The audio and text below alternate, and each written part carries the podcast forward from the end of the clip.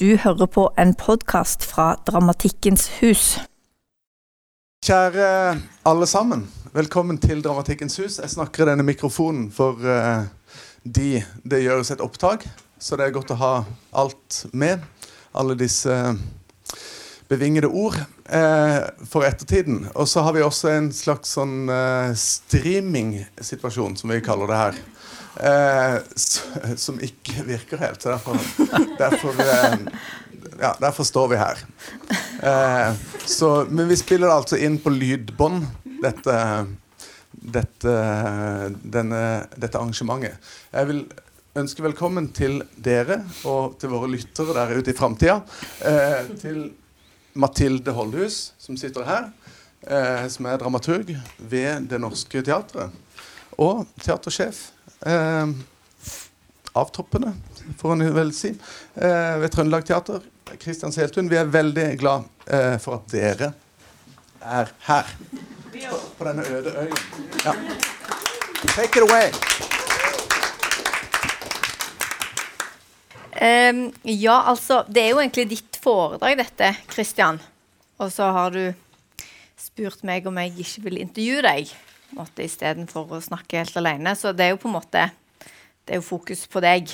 Um, eh, og du har jo kalt dette her foredraget da, på en måte for Kristian Seltun om norsk teater. Ja, eller jeg tror kanskje det var en tittel noen Påtvang deg? Ja, litt underveis. Ja. Det kan kanskje være meg. Vi kan bytte det med trøndersk teater. Men, trøndersk teater. Men, eh, men, det er jo litt kul tittel òg, på en måte. Det er, jo, eh, det er jo det går jo an å si noe om norsk teater, kanskje, og ut ifra kanskje òg din, dine siste eh, mange år på Trøndelag Teater, men før det på Black Box og på Avantgarden. Eh, og før det som student i Bergen. Altså, det er jo en, en et, eh, et, lite livsløp i, eh, i norsk teater som går fra en studenttilværelse til noe som kan ligne på et fritt scenekunstmiljø til institusjonsteatrene. Og de her eh, forskjellige eh, stedene tenkte jeg liksom å, å komme litt innpå, og, som du òg sikkert vil liksom litt innpå selv òg. Eh, eh, ja. Uh, stemmer det litt, denne uh, reisen skissert? Ja, det gjør det jo, for så vidt. Ja, ja. Mm. Og det sier jo mye om norsk teater hele den perioden. Det er jo folk her som har vært i norsk teater lenger enn meg. Men eh, jeg har jo en opplevelse av at vi eh, kanskje ikke er flinke nok til å snakke om norsk teater, hvor bra det har blitt. Mm. Eh, det er mye som er ikke bra nok ennå. Men la oss begynne med å, å, tenke på hvor utrolig stor utvikling det har vært de her årene. Eh, jeg begynte å se teater for alvor eh, siste halvdel av 80-tallet. Altså Da var jeg tenåring. Slutten av tenårene. Eh, født i 1970. Og begynte å studere teatervitenskap jeg var i 1993, tror jeg. Kanskje litt før. Og den tiden der så tror jeg nok at i hvert fall jeg da, eh, og mange av mine, de som jeg gikk og så teater sammen med etter hvert, at vi syns at, eh, at norsk institusjonsteater særlig var ganske ensporet i sin eh, estetiske orientering. Og det mener jeg nok langt på vei også var riktig å si om det. Det var, det var en veldig sånn eh, ja, en, en, tradisjon for å skulle få litteratur til å fungere eh, scenisk. Jeg har hørt teatersjefer fra den tiden kunne si sånne ting som at ja, men vi ringer han eller vi ringer henne fordi hun eller han får det til. Som jeg tenker er en veldig sånn feil motivasjon for å ringe en regissør. Uh, da begynner man liksom i helt feil ende. Men, men, men, jeg tenker at fra den tiden der hvor, berett, hvor vi, vi, vi, hadde en forventning om at noe måtte endre seg, så syns jeg at faktisk veldig mye har endret seg. Og det syns jeg vi kanskje ikke er flinke nok til å snakke om. da. Uh, vi, vi, det er jo mye kritikk, i, altså, særlig i denne uh, diskursen av de ordentlig teaterinteresserte som diskuterer mye teater på internett osv., så, videre, så syns jeg, synes jeg ofte at ikke det kommer tydelig nok frem. da, At mm. det har mm. skjedd en veldig positiv utvikling. Hvis jeg skal betrakte det, ikke bare for at det har stått i bransjen selv, men jeg er jo ikke utøvende på noe vis. Jeg er ikke skapende. Jeg er på en måte en slags uh, veldig heldig publikum som har fått lov til å være med hele veien. Og, og jeg syns jo at det har veldig mye har blitt veldig mye bedre. Så har det utviklet seg veldig mye på infrastrukturen. Altså, vi har fått enormt mye nytt. Uh, vi har fått uh, flere nye teaterbygg. Trenger ikke nevne alle, men altså Kilden i Molde har de fått nytt. Eh, HT er nytt. Hvis vi tar denne her 20-25-årsperioden. Vi har fått et kjempesvær opera. Vi har fått Dansens Hus. De tre programmerende teatrene har fått vanvittig mye bedre økonomi enn de hadde da jeg begynte på Avantgarden i, i 98. altså Helt sånn radikalt mye bedre økonomi. Da snakker du om Black Box? Black Box. BIT ja. En helt, helt annet utgangspunkt for å drive, de, drive med det de skal drive med. Uh, vi har fått Den kulturelle skolesekken, snart kommer Kloden. Så det, så det er liksom en, en sånn, en, Vi snakker om en, en ganske sånn rivende utvikling. da, og Det syns jeg av og til underkommuniseres litt i debatten om hvor norsk teater er henne. Og I tillegg til det så har vi fått mye eh, estetisk, et mye større estetisk mangfold også innenfor institusjonene. Altså Institusjonene har utfordret seg selv på spillestiler, de utfordret, har utfordret seg selv i veldig stort monn på det visuelle. Det postdramatiske, hvis man vil snakke om det, har for lengst også krøpt inn i institusjonene. Sånn, og så er det masse, mange ting som gjenstår, men jeg syns at det må ligge til grunn når man skal mm. ta dette kritiske blikket på norsk teater. som man, I hvert fall når man sitter i den stolen som jeg har sittet de siste ni årene, så møter man den eh, Av og til syns jeg er litt naivt, da. Mm. Altså kritikken av institusjonsteatrene? Ja, ja, eller ikke bare nødvendigvis institusjonsteater, men norsk teater generelt. Men det er jo gjerne institusjonen det først og fremst går utover. Mm. At man ikke helt ser at det har vært en endring. Og så er det selvfølgelig mye som gjenstår, men, men eh, det har skjedd mye, mener jeg. Ja. Og uh, bare for å gå litt nærmere inn på det med, med estetikken, altså disse bygningene og, og liksom disse pengene på en måte er jo kanskje symptom på noe godt innhold, eller det er òg bare noe fint man setter opp? Ser du at liksom det altså For å snakke om det estetiske, da. Hvordan ser du at det har endret seg til det bedre? Ja, men altså, så er det igjen litt sånn vanskelig å snakke om til det bedre, men jeg er veldig opptatt av at det skal være et mangfold. Det som jeg, det som jeg opplevde selv da jeg var sånn i slutten av tenårene og begynnelsen av 20-årene, var at så snart man gikk et annet sted enn nasjonale scener, og da var jo det gjerne BIT Teatergarasjen i, i, i, Bergen, eller at man dro til utlandet selv og oppsøkte festivaler og sånn, så, så, så man jo en, en hel båte med uttrykk som overhodet ikke var representert på DNS. Litt grann gjorde man. ikke sant? Eh, Tom Remlov eh, gjorde veldig mye. Det var Tom Remlov som var sjef i den perioden jeg, jeg vokste opp med teater. kan du si. Og det var, var mye som var bra, det er ikke det, men, men det var mye som manglet. hvis mm. man skal snakke ut fra en sånn palettenkning. Det var mange uttrykk de ikke drev med. Eh, de spilte Hamlet-maskin, de satte opp Hamlet-maskiner av Müller som en del av den der eh, Shakespeare eh, ja, Det var en slags sånn form for satsing med en, flere, en sånn serie med Shakespeare-oppsetninger. Titus Andronicus, blant annet. Og, hvor skuespillerne skulle drive med sånn non-acting. Det var veldig gøy å se på, for da spilte de sånn non-acting. Så, så, så, det var mye sånn rart. da, men, men, men så det er jo en utvikling, det òg, da. Men, men, eh, men, man opplevde vel at man måtte et annet sted for å kunne se et, et større uttrykksmangfold. Og det er det for så vidt enda. Mm. Og det, det, er jo ikke sånn at alle skal drive med alt, men, men jeg syns likevel at det har vært større impulser. Jeg tror at kommet flere impulser til. Jeg tror at Samtidsfestivalen til Eirik Stube var viktig. Jeg tror at det at de tre programmerende teatrene fikk mer penger, var, var viktig. Jeg tror at uh, Norsk Shakespeare Tidsskrift Norsk Shakespeare og teatertidsskrift var viktig. Ikke fordi at det liksom selges uh, i bøtter og spann på Narvis, men fordi at bransjen selv begynte å lese om seg selv og sammenligne seg selv litt med utlandet. Så tror jeg det faktum at folk både i bransjen og studentene uh, reiser mye, mye mer enn de gjorde mm. før. Så man har vært i Berlin, man har vært i Brussel og sett ting som, man, som blir en referanse, ikke bare for en sånn privat interrail-reise, men for andre som har vært der. Man begynner å snakke om det, man begynner å kunne litt om de tingene som foregår der ute. Og så tror jeg har satt norsk teater i en helt annen situasjon de siste ja, kanskje særlig de siste 10-15 årene. Mm. Når du sier at liksom, man snakker for lite om at det går bra, eller jeg holdt på å si hvem, eller, eller hvordan foregår de samtalene hvor det snakkes dårlig om Nei da, men altså, sånn, jeg, jeg, sitter jo av og til i sånne seminarer i Trondheim og der for det meste, da, hvor man må liksom forsvare seg med, med, med, hud og hår. Men jeg opplever jo også at det er et utenforskap i norsk teater som, som jeg etter hvert har begynt å se på som litt problematisk. Det er, litt større, det er et litt større resonnement. Mm.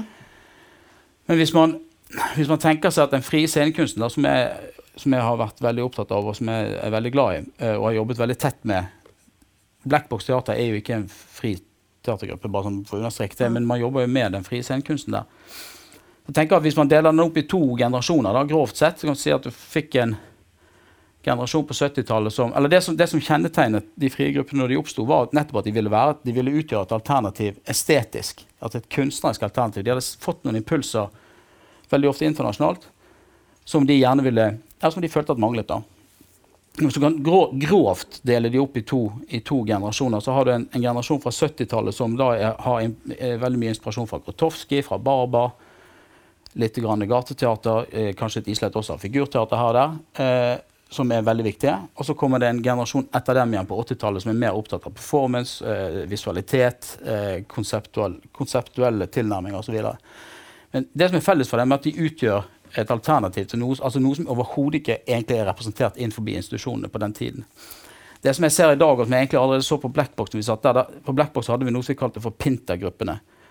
Og Det var eh, sånne teatergrupper som er startet i løpet av sommeren av folk som har gått på teaterskole i England. veldig ofte, Kommet hjem til Norge. Eh, de har selvfølgelig lyst til å vise seg. full forståelse for det. De lager en frigruppe. De vil sette opp noe Pinter, og de sender søknad til Blackbox Teater. De hadde nesten aldri støtte fra Kulturrådet, men gjerne fått noe støtte i en eller annen entusiastisk hjemkommune et eller annet sted. De programmerte ikke vi, fordi jeg tenkte at det er ikke der vi skal. Uh, og jeg syns at i det fylket som jeg har jobbet i nå, i Trøndelag, som det nå heter, der er det en del sånne grupper. Mm. Jeg, de må gjerne være der, men det som har blitt litt problemet, det er at den første generasjonen, eller den 70-80-tallsgenerasjonen, som jeg mener var et Og mange scener òg, viktig å understreke det, det er ikke det jeg sitter her og sier. Eh, de har på mange måter gitt et argument til den frie scenekunsten som handler om at den frie scenekunsten er per definisjon nyskapende, per definisjon mye mer interessant og mye mer kunstnerisk orientert og internasjonalt orientert enn institusjonene. Og så kommer det etter hvert rekende på en fjøl ganske mange grupper som egentlig er veldig konservative, veldig bevisstløse i, i, i sitt uttrykk, men de kommer kulturpolitisk med et argument om at de er veldig veldig mye mer interessant enn oss. Og det her er egentlig et arbeidskraftsoverskudds en, en arbeidskraftsoverskuddsproblematikk som, som, man har litt eh, Jeg stakk jo hodet frem og sa dette i Adresseavisen for tre-fire år siden. og det nå er ikke jeg så veldig redd for sånne ting, men det får du kjenne, det er jo det er vepsebol totalt. Mm. Uh, fordi at uh, du skal ikke gjøre det. Men det er gøy å gjøre det likevel, for jeg tror det er riktig. Uh, og jeg tror vi er nødt til å snakke om det. Vi er nødt til å snakke om at det utdannes for mange. Det utdannes folk som ja, som, som, er i en gruppe, uh, melder seg inn i Skuespillerforbundet, men tjener ikke pengene sine der. Det, det, er ikke der de har levebrødet sitt. Uh, men yrkesidentiteten ligger der, og den politiske kampen ligger der. Uh, og jeg er ikke så sikker på at den alltid er så interessant. Frie scenekunsten i Norge i dag har ekstremt mye bedre vilkår enn den hadde da jeg kom inn i den for 20-25 år siden kan absolutt bli veldig mye bedre. Eh, men det er nok andre virkemidler enn det jeg av og til ser at man prøver å på, trykke på. da. Kulturhusene har altfor liten programmeringsøkonomi. altså at, eh, at, økonomien i mye større grad ligger i det kuratorielle leddet, vil også skape en helt annen type dynamikk i det. Og Det var jo det som var viktig med, med, med at de tre programmerende teatrene og Det var jo anløp til flere år. Det var anløp til et miljø i Stavanger. Det har vært, det har vært, eh, vært også ansporinger til det i Tromsø. Det kunne absolutt vært flere. Men for å ta de tre, da, BIT og Blackbox og Avantgarden, det at de fikk en selvstendig programmeringsøkonomi. At Man rett og slett kunne peke på noen og si at vi vil, vi vil ha det gjestespillet fra et eller annet sted hit, eller vi har lyst til å putte 100 000 kroner ekstra på et prosjekt som kanskje allerede har fått litt fra kultur eller litt fra et eller annet sted. Men at man kunne gjøre det, den muligheten var ikke den da jeg begynte på Blackbox på Aker Brygge i 2001. Eh, men den kom etter hvert det har vært utrolig viktig for å skape en helt annen type altså, i anførselstegn virkelig markedslogikk i det. da.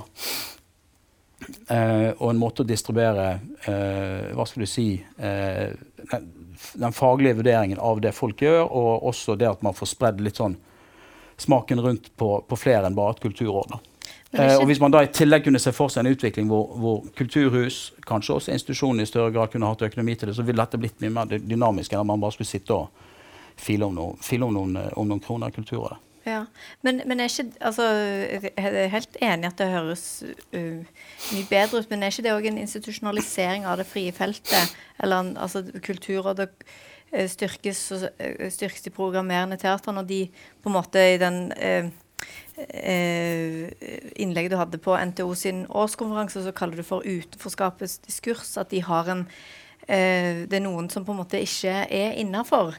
Og nå har de jo på en måte enda et sted å ikke være innafor på, fordi at det frie scenekunstfeltet har blitt òg det, det har kommet noen, noen murer eh, det kom noen flere smaksdommer der med de programmerende ja. teatrene. Jeg skjønner hva du mener, men, men, jo da, men sånn vil det vel på en eller annen måte alltid være. Og igjen mangfold. og altså mange arenaer som mulig å, å, utfolde seg på. Det foregår enormt mye scenekunst i Norge, hvis man, hvis man, og det gjør de fleste som sitter i rommet her, følger litt med. Altså, det, det, er jo ikke bare i Oslo. Altså, det, også, på, også, I mer grisgrendte strøk så er det jo frigrupper som holder på, og topp det.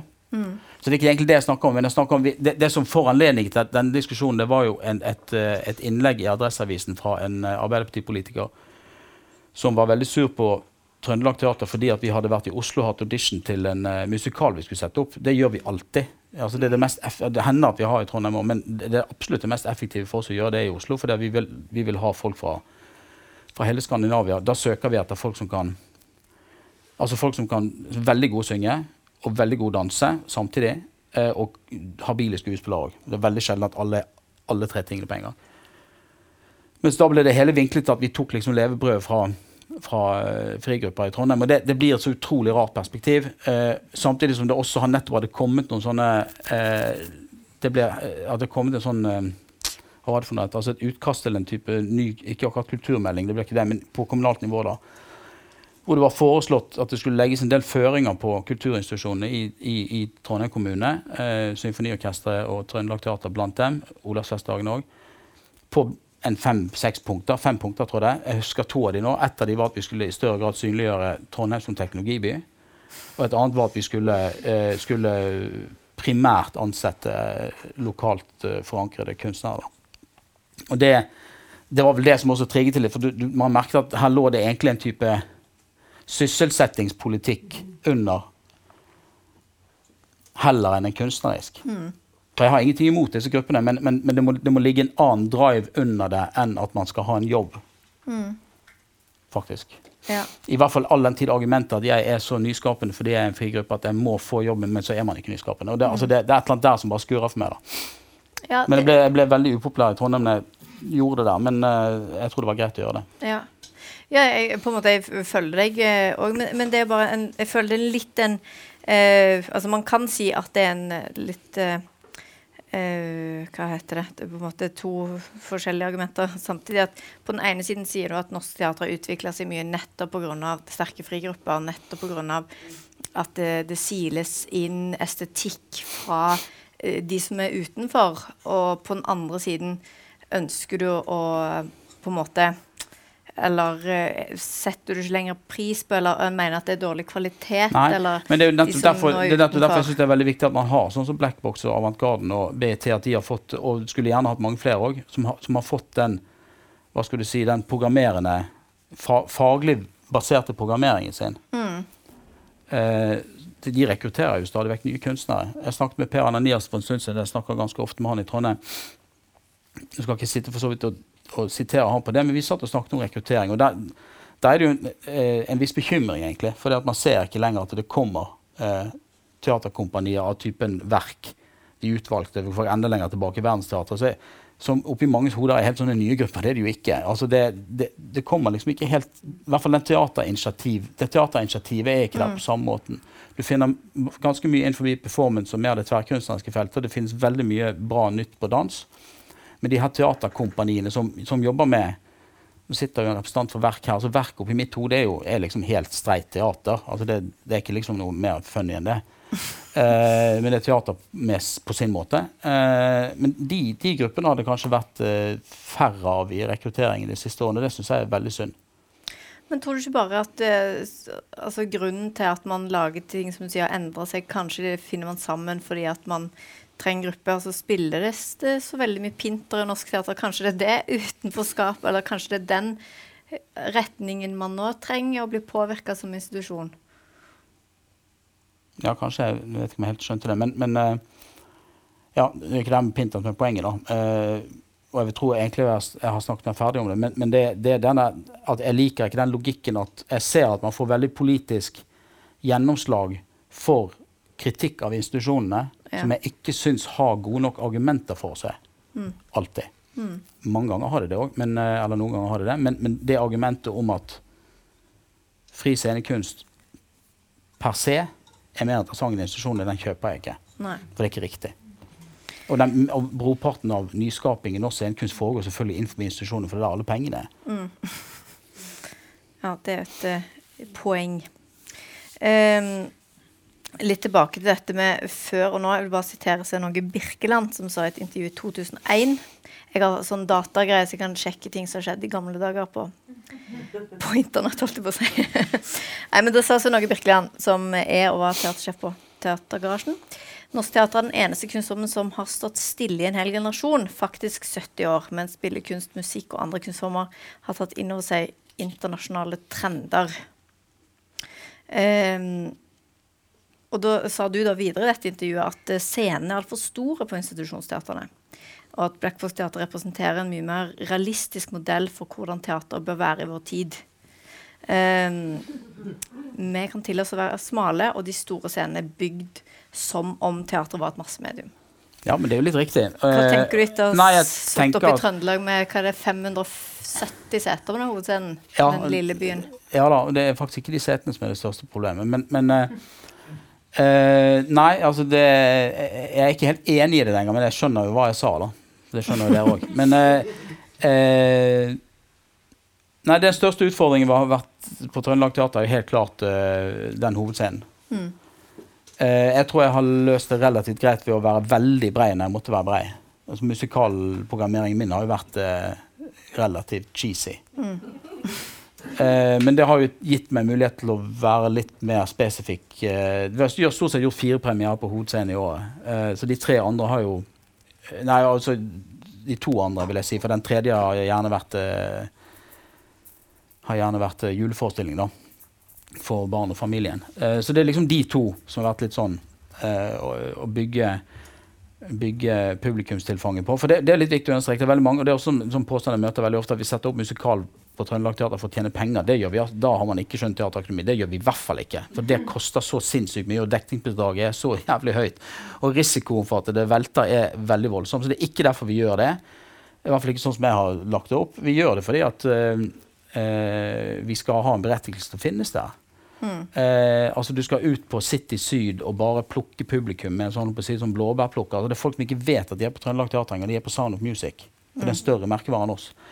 Men det, skal, det, gir oss en berettigelse eh, til å være der. Og eh, eh det er jeg ganske sikker på, for såpass godt kjenner den politiske diskursen både i, i, i, i hvert fall i fylke og kommune jeg tror kanskje staten, som også er representert her i kveld, på et vis, er litt, mer, eh, er litt mer kul på den tenkningen. Men der tror jeg man hadde satt foten ned ganske kjapt hvis ikke Trøndelag Teater hadde, hadde med jevne mellomrom altså, eh, Vi regnet ut snittgjennomsnittet fra Trøndelag Teater kom inn i det nye huset, da, som er den nye, altså det påbygget som ble gjort i som åpnet i 1997, som gjorde, gjorde Trøndelag Teater gikk fra å være et egentlig ganske lite teater til å bli et veldig stort et så har den det gjennomsnittlige publikumsbesøket vært 100 000 hvert år.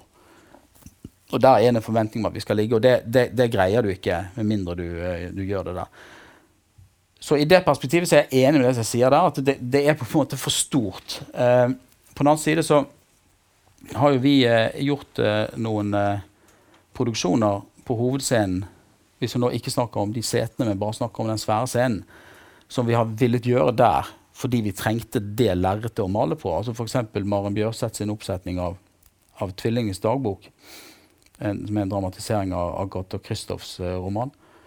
Uh, som det ikke kom noe særlig med folk på. Det hadde Vi kanskje ikke, vi hadde håpet det kom litt flere. Men uh, det ble veldig, kanskje den fineste produksjonen i hele min periode på Trøndelag Teater. Uh, men da vi, trengte, vi ville ha det lerretet å, å, å, gjøre det på. Og samtidig så spilte vi vel Karlsson på taket sånn inne på, på, på Martin sånn tidlig i ettermiddag. Så vi hadde liksom ryggen fri til å gjøre det. Så det har vært en slags sånn forhandling mellom de to tingene der. Men så er det et annet problem som kanskje også det der sitatet fra 2001 egentlig litt sånn indirekte peker på. Det er at det i den tradisjonen som er nok tradisjon, men i det min scenekunstinteresse på den tiden der var nødvendigvis litt annerledes enn i dag. Mm. Så kunne man se for seg at den typen scenekunst som vi drev med på Blackbox, som vi var opptatt av på Blackbox, at den hadde noe, sånn, hadde noe på en så stor scene å gjøre. i det hele tatt, Og det har den fremdeles egentlig ikke. Altså det er fordi, rett og slett fordi det ikke kommer nok folk da. Mm. Uh, men det som er litt synd med det òg, er at det er litt vanskelig å rekruttere yngre regissører til det store formatet. Det er ikke så veldig mange av de eh, i den tiden jeg har vært på Trøndelag Teater. Så en av de som gjør det nå, er Johannes Dahl. Han går og egentlig ganske raskt, hvis man ser i forhold til når han gjorde sin, gjorde han sin diplomoppgave hos oss da, våren 2014 eller sånn. Ja. 14 eller 15. Mm. Med en ganske sånn, eh, ja, ganske sånn oppløst versjon av Leons Leons Lena på studioscenen. Til å ha vært i Sverige og vært tilbake her, og selvfølgelig her i Oslo òg og er en ung regissør som går sånn sett ganske raskt til det store formatet som hovedscene. Maren Bjørseth er en annen, Men det er andre igjen som vi ser at egentlig nesten ikke har en interesse av det heller, nettopp fordi man ønsker heller å være den der eh, Og det, det har jeg all, stor respekt for, men det er veldig synd om vi om ikke vi greier å ta de store scenene. For det er de vi, eh, vi lever av, eller ikke økonomisk, men vi lever av de politisk. Vi lever av de i, i legitimeringen av at vi er her, mm. rett og slett. Ja, og og så går det også an å utfordre det. Altså, mm. Altså, har, jeg vil påstå, skal ikke jeg sitte og skryte av det, men jeg vil påstå at vi har gjort noen ting med de der litt cheesy prosjektene som tross alt har vært litt ålreit år, da. Du får jo folk inn der til å se noen ting som de kanskje ikke helt hadde forventet at de skulle få. Uh, og så Ellers har det vært en, en veldig sånn uh, uttalt målsetting egentlig å få den hovedscenen til å fungere når vi ikke spiller musikal og ikke har spilt uh, Nøtteknekker og sånn julespill og sånn. Og få det til å være, være ordentlig, egentlig en ordentlig omgang med klassiker. For det var det som jeg tenkte var det på en måte letteste å få til. Så det er, det er helt nytt for Trøndelag Teater. Vi har spilt Arthur Miller på hovedscenen. Det har vært helt, helt uaktuelt før. Mm. Vi spilte Brecht der.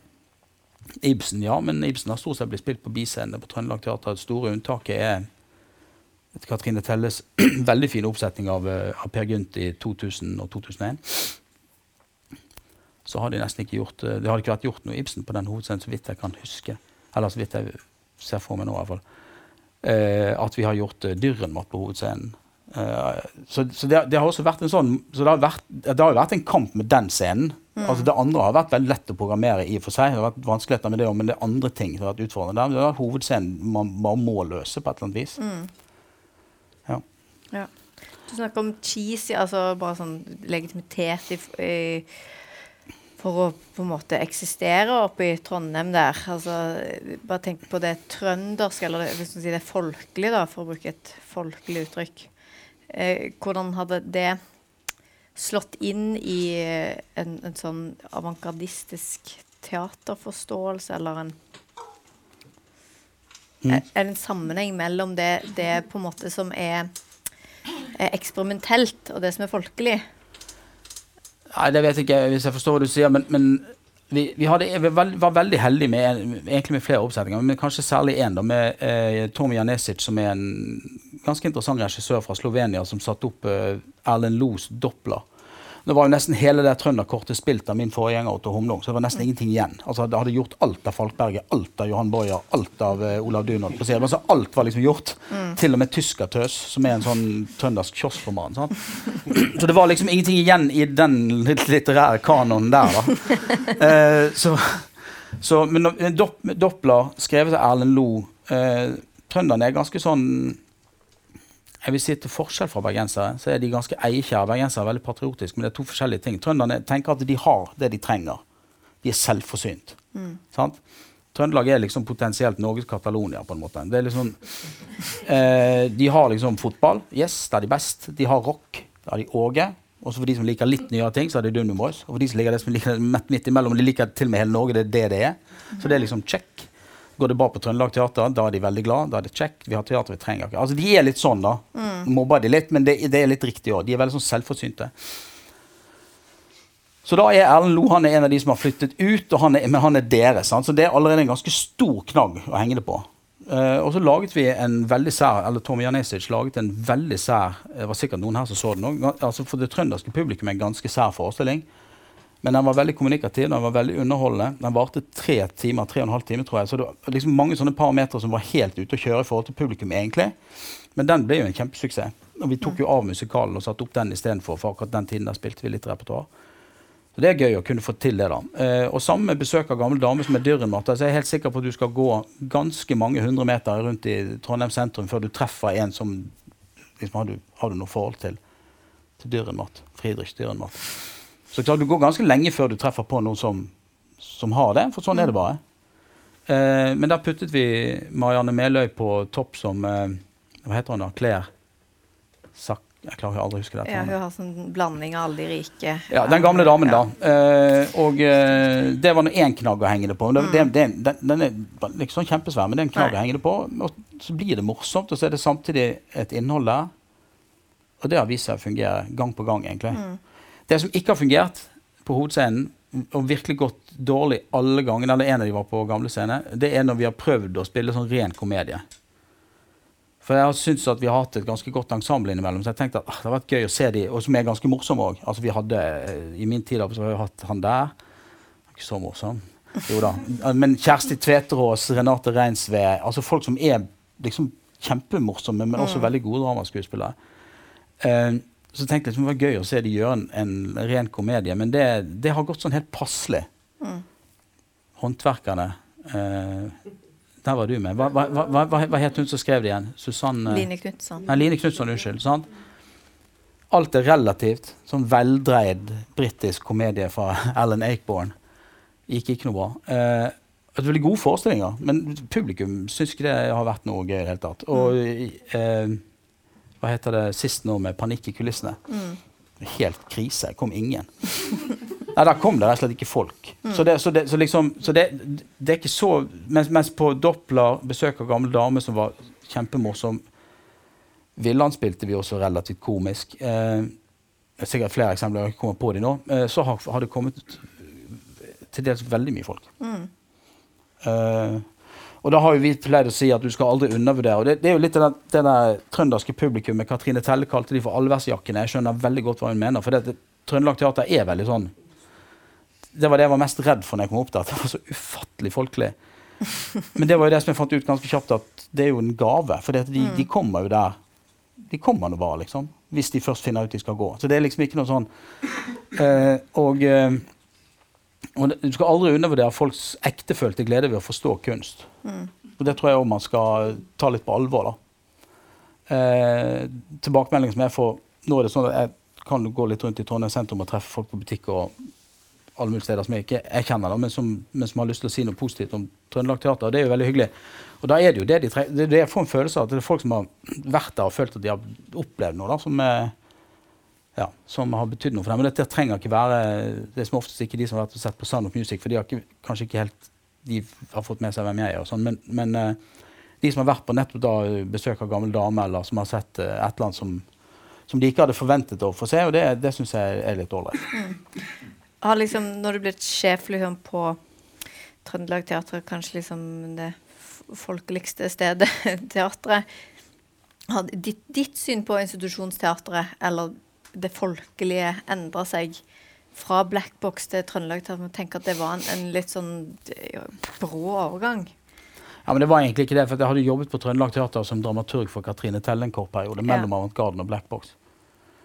Eh, så, så, jeg visste vel egentlig veldig godt hva jeg gikk til. Ja. Og Katrine sa det veldig fint, for det, akkurat på den tiden da, jeg tror jeg kom dit i 2000 eller noe sånt, og ble, jeg skulle være vikar for Ørjan Svarva et år. Mens eh, tok, tok jeg permisjon fra Avantgarden.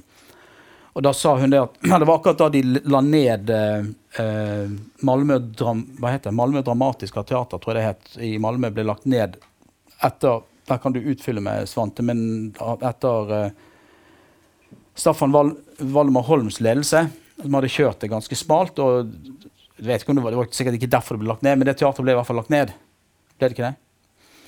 Og da husker jeg Katrine var veldig sånn eh, fortørnet over at det sto ingen ute i gatene liksom, og protesterte og man la ned byens teater. Malmö er jo en, ikke en ubetydelig by i, i Sverige. Og så er teateret liksom bare Så var det bare borte. Mm.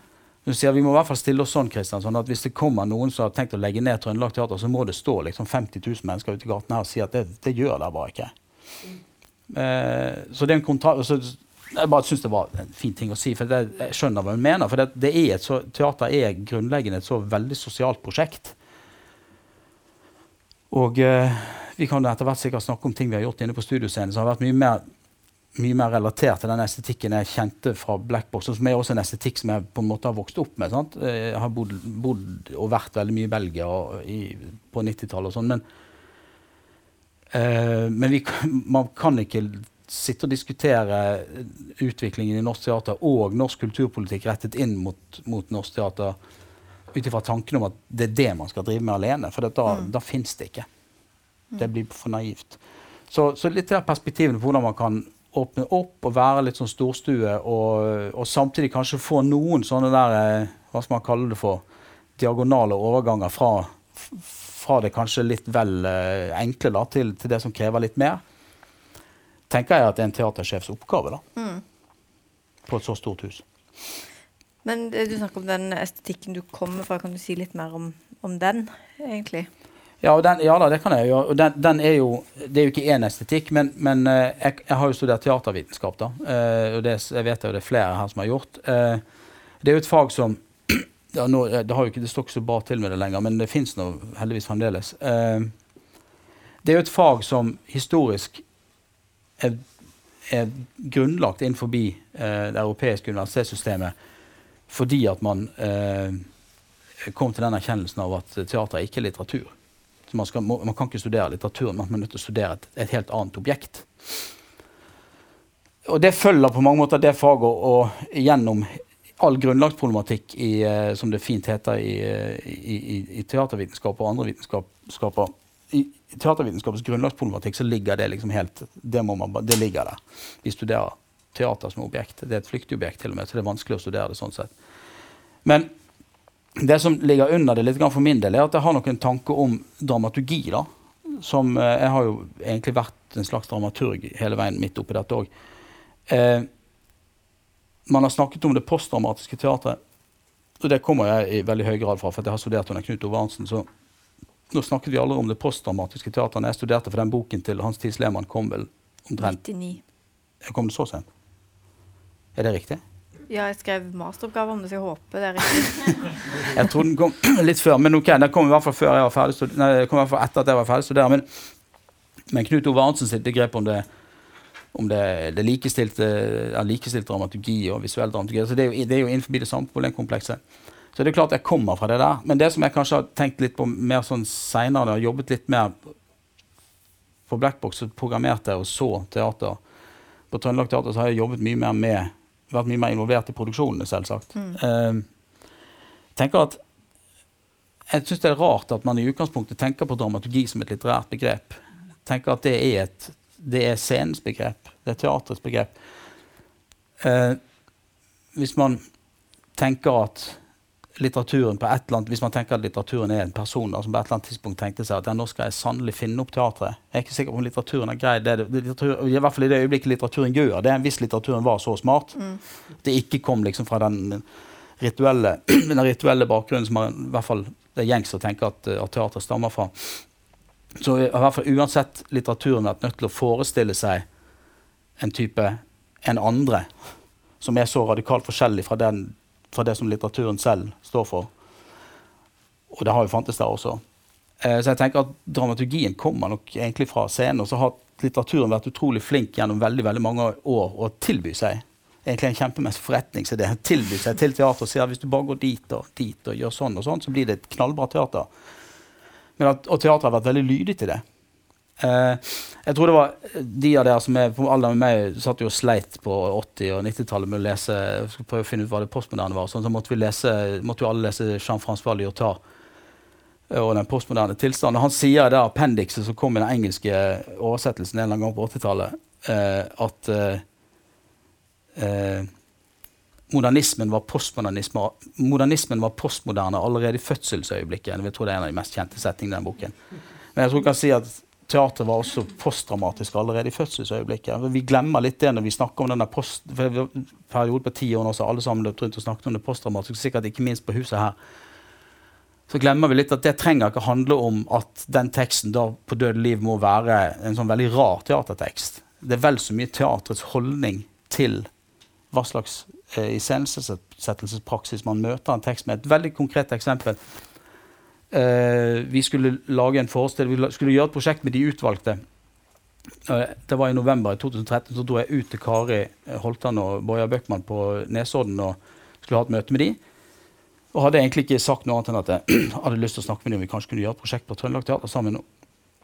Og at det ville være Gamle Scene høsten 2016. Gamle scene, jeg vet ikke hvor mange som kjenner den scenen, men det er den gamle scenen på Trøndelag Teater som var Trøndelag Teaters hovedscene før. Det er en barokkscene fra 1816. Den er eldste i sitt slag i, i Nord-Europa som har vært i kontinuerlig drift. Den har selvfølgelig vært eh, modifisert en rekke ganger, og den, er, den, har ikke vært noe museum. Den har blitt brukt hele tiden, men det er fremdeles en barokk, bitte liten barokk tittelskapsscene som eh, på godt og vondt, for å si det sånn. Men den er, den er ganske spesiell. Eh, og de har jo et visuelt uttrykk som jeg tenkte kanskje kunne passe der. Og så på veien ut så hadde jeg tenkt at jeg må jo ha et eller annet til, bortsett fra å tilby en scene og, og, liksom et prosjekt eh, i 2016. Kanskje ha noen tanker om hva det skulle være. Så jeg tenkte kanskje Carl Frode Tiller kunne være en å, å foreslå. Så viste at Kari Holtan var veldig sånn langt inne i en sånn Carl Frode Tiller-periode. Eh, Hun leste veldig mye av han, så det var de interessert i.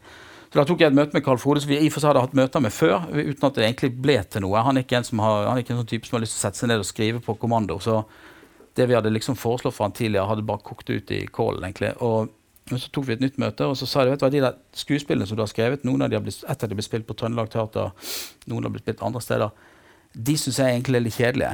Og det er jo litt sånn, kanskje litt frekt å si når man sitter med, med en forfatter, sånn, men han var for så vidt enig i det. For han sa det at det som jeg gjør når jeg skal skrive dramatikk, det er at da etterligner jeg dramatikk sånn som jeg tenker at dramatikk skal være. Så, og det, det synes jeg. Du skriver utrolig gode skriver veldig gode, linjer, altså veldig gode replikker. og det er veldig sånn det er spennende karakterer, altså, men det er kanskje en litt, en litt, sånn, litt gammelmodig form. Hva skal jeg gjøre da, sier han. Så, jeg, vet, du, kan ikke du bare skrive akkurat det du vil, og så gir du det til oss? Hvilken som helst form. Det skal se ut som telefonkatalogen for min del. Bare kom til oss med det, for det, finner vi ut av. Og Det er litt sånn eksempler på det. at det der, teater, Vi glemmer litt at teateret har den Eller jeg tror vi egentlig er i en periode nå hvor teateret har vært det lenge sikkert, men altså hvor teateret er litt mer litt mer bevisst på det. da. Det er også for min del en del av den postdramatiske diskursen. Men jeg bare tenker at den er egentlig mye eldre. At teateret besitter selv en, en, en dramaturgisk kompetanse og en iscenesettelseskompetanse som er veldig viktig å, å bruke liksom den fulle bredden av. det. Mm. At Det har man kanskje ikke gjort så mye når vi går tilbake og snakker om det vi snakket om innledningsvis. Men denne iscenesettelsespraksisen hvor det i veldig stor grad handlet om å få realisert et allerede foreskrevet altså ja, Han kan gjøre det, hun kan fikse det altså at nei, man må finne, man skal inn og så skal man finne, en, man skal finne opp hver gang en scenisk praksis for å løse det man ønsker å løse. Noen ganger kan det være å sette opp en tekst helt logosentrisk, altså sånn som, uh, som eh, Johannes Dahl gjorde nå helt nylig hos oss med, med byggmester Solnes. Altså det er jo, han har strøket veldig mye, men det, men, men det er jo en, en, liksom en veldig teksttro forestilling. Mm.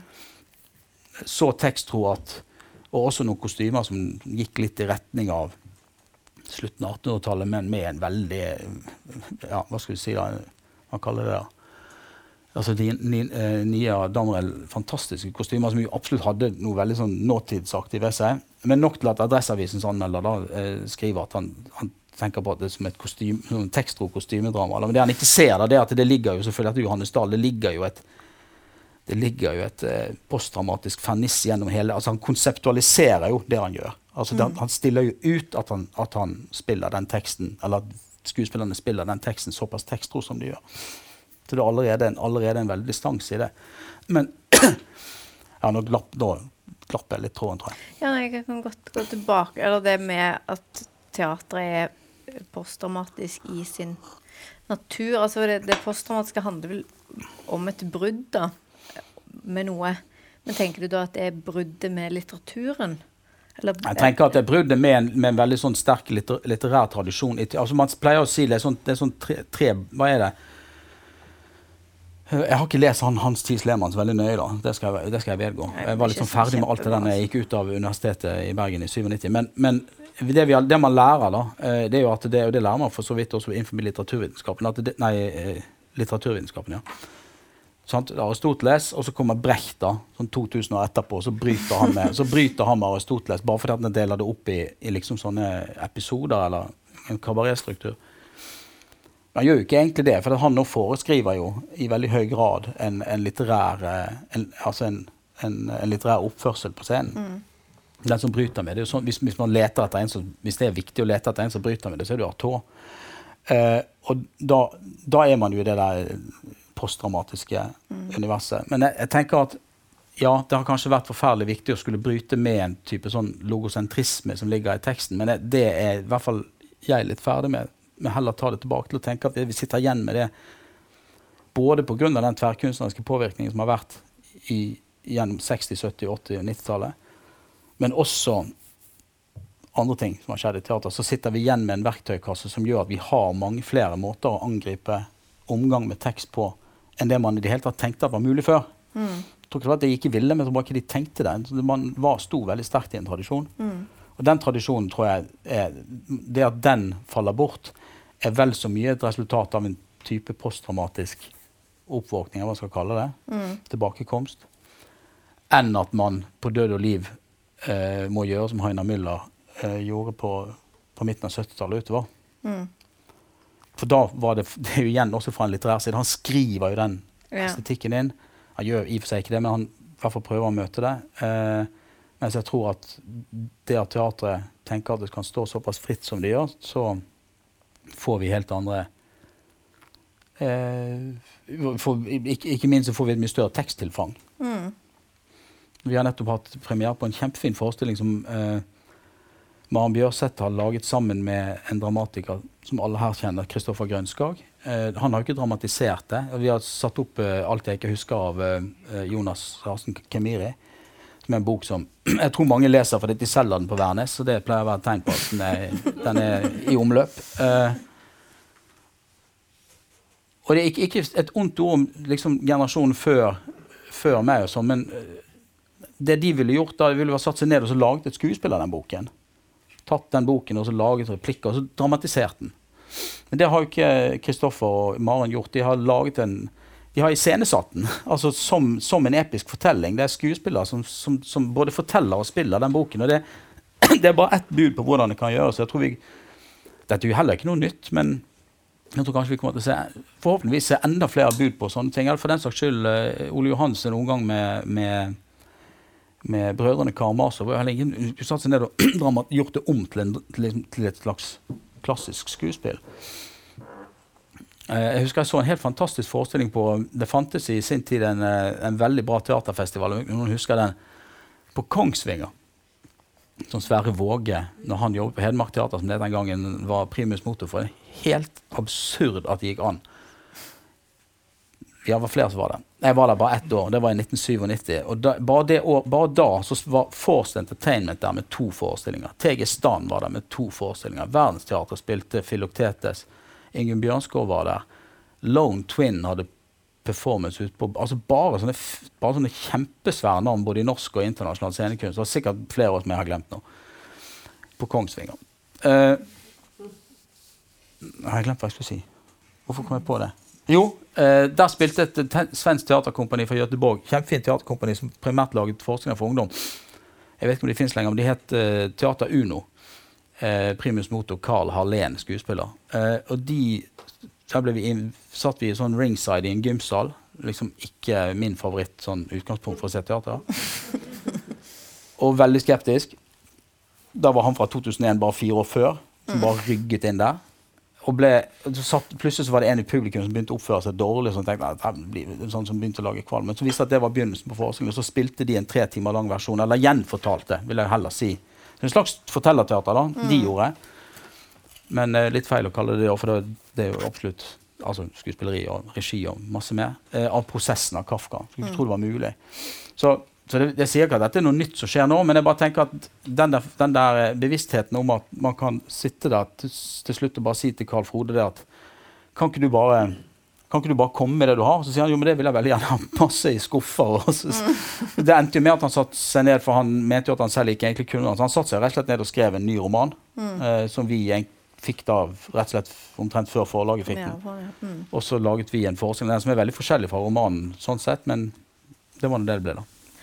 Um, tenkte at vi skulle avrunde litt, så skal vi kanskje få noen spørsmål. Bare tenkte kanskje du av, kunne avslutte litt med uh, Siden det går på en måte så bra i norsk teater, er det kan, hva, hva, skal til tenker jeg på kulturpolitisk for at det skal holde seg sånn, eller eventuelt bli bedre? Da? Har du noen framtids dystopier eller ja, Bare for å understreke det, det er, ikke, det er ikke min hensikt her å sitte nå at, og si at i norsk teater så er det det, det er sånn trøndersk check, det er ferdig, det er taken care of. Det er ikke det jeg sier, men jeg bare blir av og til litt forbauset over hvor, hvor, hvor, mye vi også snakker det ned. Eh, så det benytter litt anledning til å snakke det opp innimellom. I hvert fall når man skal, sånn som vi skulle gjøre her i dag, og se det i et litt sånn perspektiv over de siste ja, 20 årene, da, så, så er det også viktig å understreke at det har vært en veldig stor utvikling. Nei, nå kommer det jo en kulturmelding på eh, fredag eh, som eh, For det er så på, på, så mange nivåer. Det, det, vi er mest, eh, det alle sammen er mest spent på i forhold til den kulturmeldingen, i hvert fall av mine kollegaer, altså teatersjefskollegaer og ja, i, i, arbeidsgiverforeningen vår, og sånn, så er jo selvfølgelig dette spørsmålet om regionalisering. Sant? Hva skjer der? Uh, det, den debatten tar vi ikke her i kveld. Men uh, er man jo redd for å havne på et, redd for å havne på et uh, forvaltningsmessig nivå eh, som tilskuddspartner som man er redd for at ja, kanskje, Jeg tror Trøndelag hvis jeg skal bare snakke om Trøndelag, så tror jeg det ville vært et ganske entusiastisk fylke akkurat nå. Mm. Fordi at er, Der er det sterke folk, og det, det er bra fagkompetanse i etaten. og, og alt det der, men, men, men, det vi er redd for, er jo at det å være i, i kun én sånn sekk for all mulig fremtid mm eh, ikke er så bra. da. Så, mm. så jeg tenker at der, der, dette, blir, dette, blir, veldig spennende å se på fredag. For den der tredelingen mellom kommune, fylke og stat, den er smått genial. Vil noen hevde jeg er blant de. Eh, du kan få Erdogan kan komme til makten i, en kommune, men han kan ikke komme til makten i en fylkeskommune og staten samtidig. Altså. Det er et eller annet med de der kreftene der, hvis man skal snakke om den biten. da, det var et mm. dumt eksempel, men, men altså disse kreft, disse, dette er krefter som på et vis justerer hverandre. Så det, akkurat det er kanskje det mest sånn betente kulturpolitiske ikke betent, men det mest, ja, det mest aktuelle kulturpolitiske spørsmålet nå som vi forhåpentligvis får en del svar på på fredag. Eh, ellers så har jeg vel egentlig allerede sagt det. Jeg tror at det, i hvert fall når det gjelder den frie scenekunsten, som virkelig opptar meg, som jeg veldig, vil at skal ha det veldig bra, eh, også det er sagt også, programmeringsøkonomi, programmeringsøkonomi, programmeringsøkonomi. Altså få ut penger så de kan kjøpe forestillingene, så de kan bli vist flere ganger. Sant? Man må sitte en dag på Hamar og tenke ah, verk, jeg har lyst til å ha de hit. Nei, vi må søke Kulturrådet, vi må spørre om vi kommer med sovepose og armen.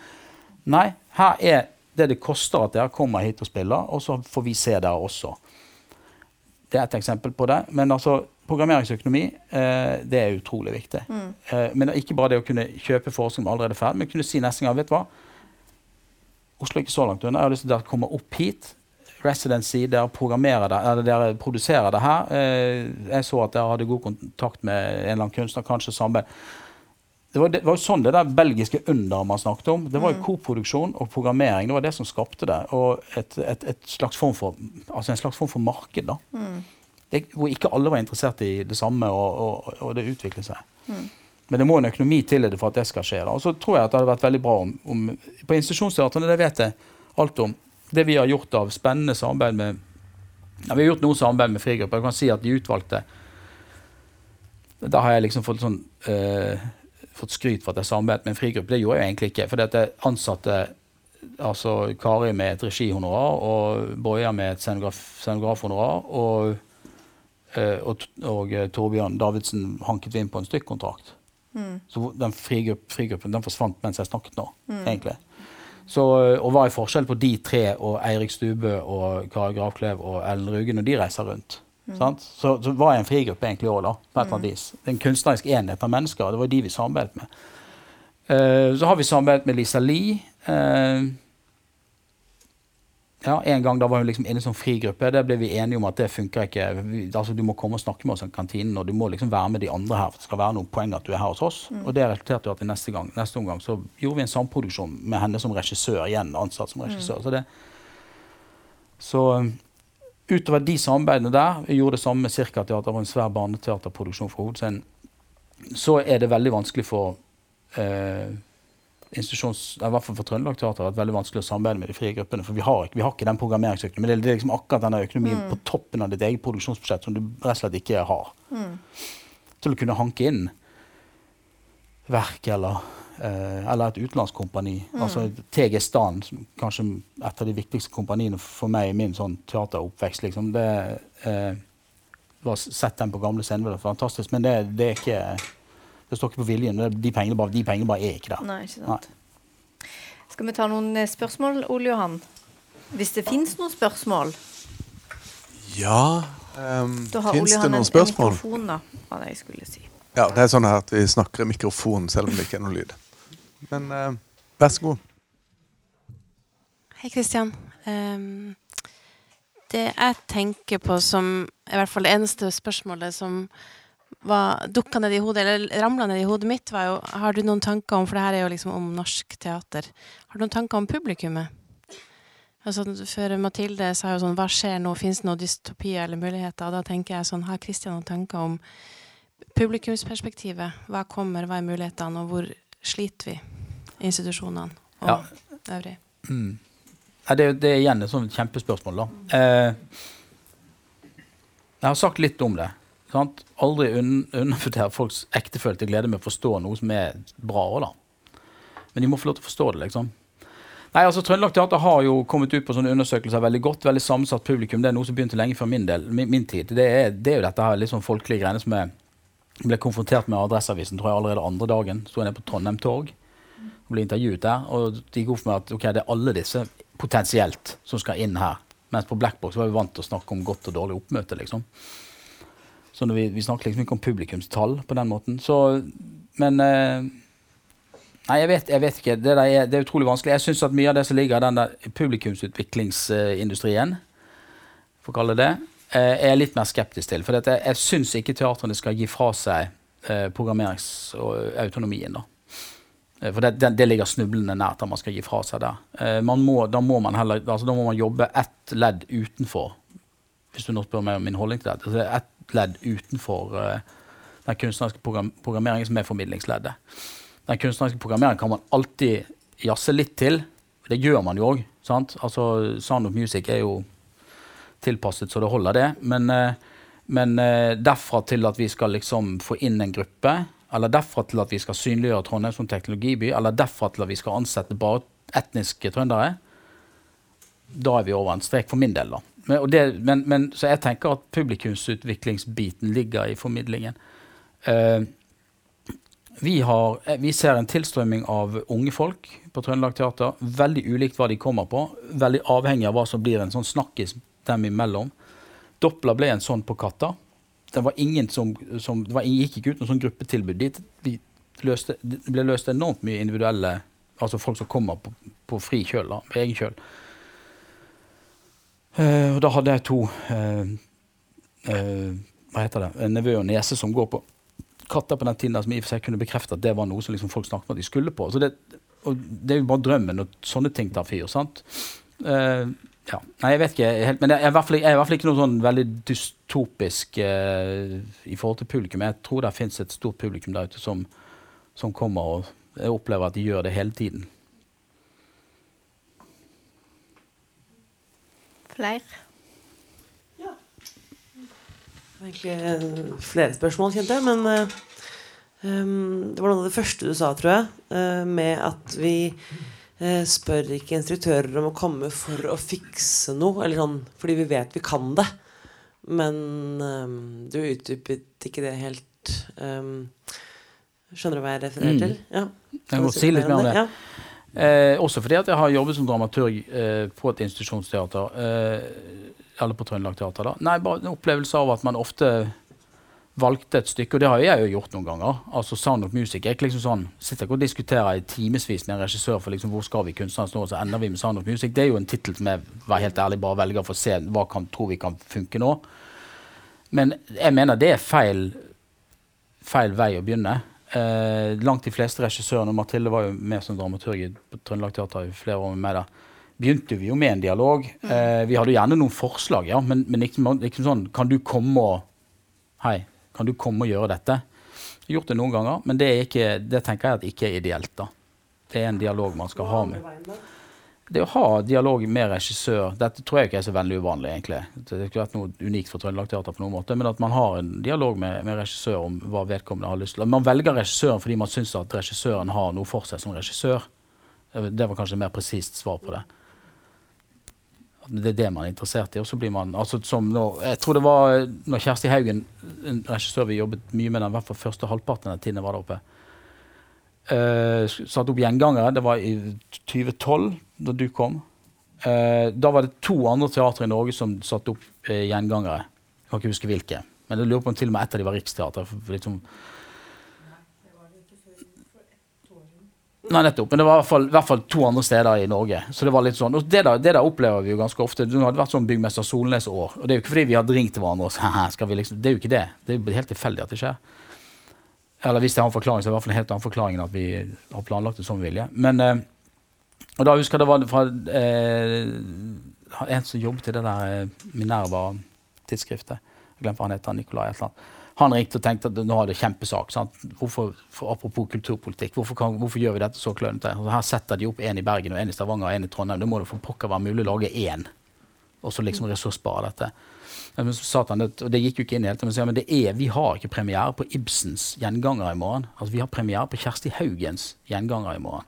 Og Det er to helt vidt forskjellige ting. Hvis ikke man skjønner det Og det er det, skal ikke du så veldig langt vekk fra teatret før det er null forståelse for. Men det er jo det vi holder på med. Altså Trøndelag Teater er ikke en litterær institusjon, det er en scenekunstinstitusjon. Selv om, vi, selv om kanskje mange med nesen litt i sky ikke vil kalle Sound of Music scenekunst. Men, men altså, det kunstneriske initiativet kommer fra scenen, og ikke fra, ikke fra noe annet. Men hvordan skal man få med publikum på det? Ja, men det er ikke sikkert de trenger å vite det. Men var det ikke det? Jo, jeg tror, de blir veldig, jeg tror publikum også ble veldig klar over den de satt og så Doppler. For der satt de jo virkelig, og der kom de jo inn for de skulle se liksom, den boken illustrert. Det var den jo ikke i det hele tatt. Så da tror jeg veldig mange ble positivt overrasket over at de møtte et teateruttrykk. Det var jo det også publikum ga veldig klart uttrykk for. Men i det store det hele Det hadde vært veldig fint om vi kom dit som, som tyskerne i større grad enn oss er. Altså de, skal, de går og ser altså Når Peter Stein gjør noe, så er det, det er han de går og ser. selvfølgelig, Eller når Marthaler gjør noe, så vet man veldig veldig godt at det er han. Men der er ikke vi i det hele tatt. Trønderne er der i forhold til Marit Mo Maune, da, men det er ikke pga. regi, det er pga. en kjendisfaktor. Sant? Så, så ja. Skulle gjerne kommet dit. Spørsmål altså. til det, men hvis ikke noen andre vil ha mikrofonen. Uh, ja, det er for vi sitter jo på Dramatikkens hus nå uh, med dramatikere som jobber med sikkert egne tekster også. Og så snakker du om, som jeg kjenner meg veldig godt igjen i, uh, akkurat tatt to års permisjon fra DNS for å være med å starte opp liksom, litt ny periode på Haugesund teater, Norges minste teater, og leter etter ting vi kan gjøre der, ikke sant. Uh, og skal det være titler, eller skal det være dramatikere, eller det, hva er det vi skal få folk til å komme og se på? Uh, og så snakker du om, som jeg kjenner meg veldig godt igjen i, at vi heller vil velge uh, bøker, eller kanskje filmer vi har sett før, eller uh, sanger for den saks skyld, som vi dramatiserer.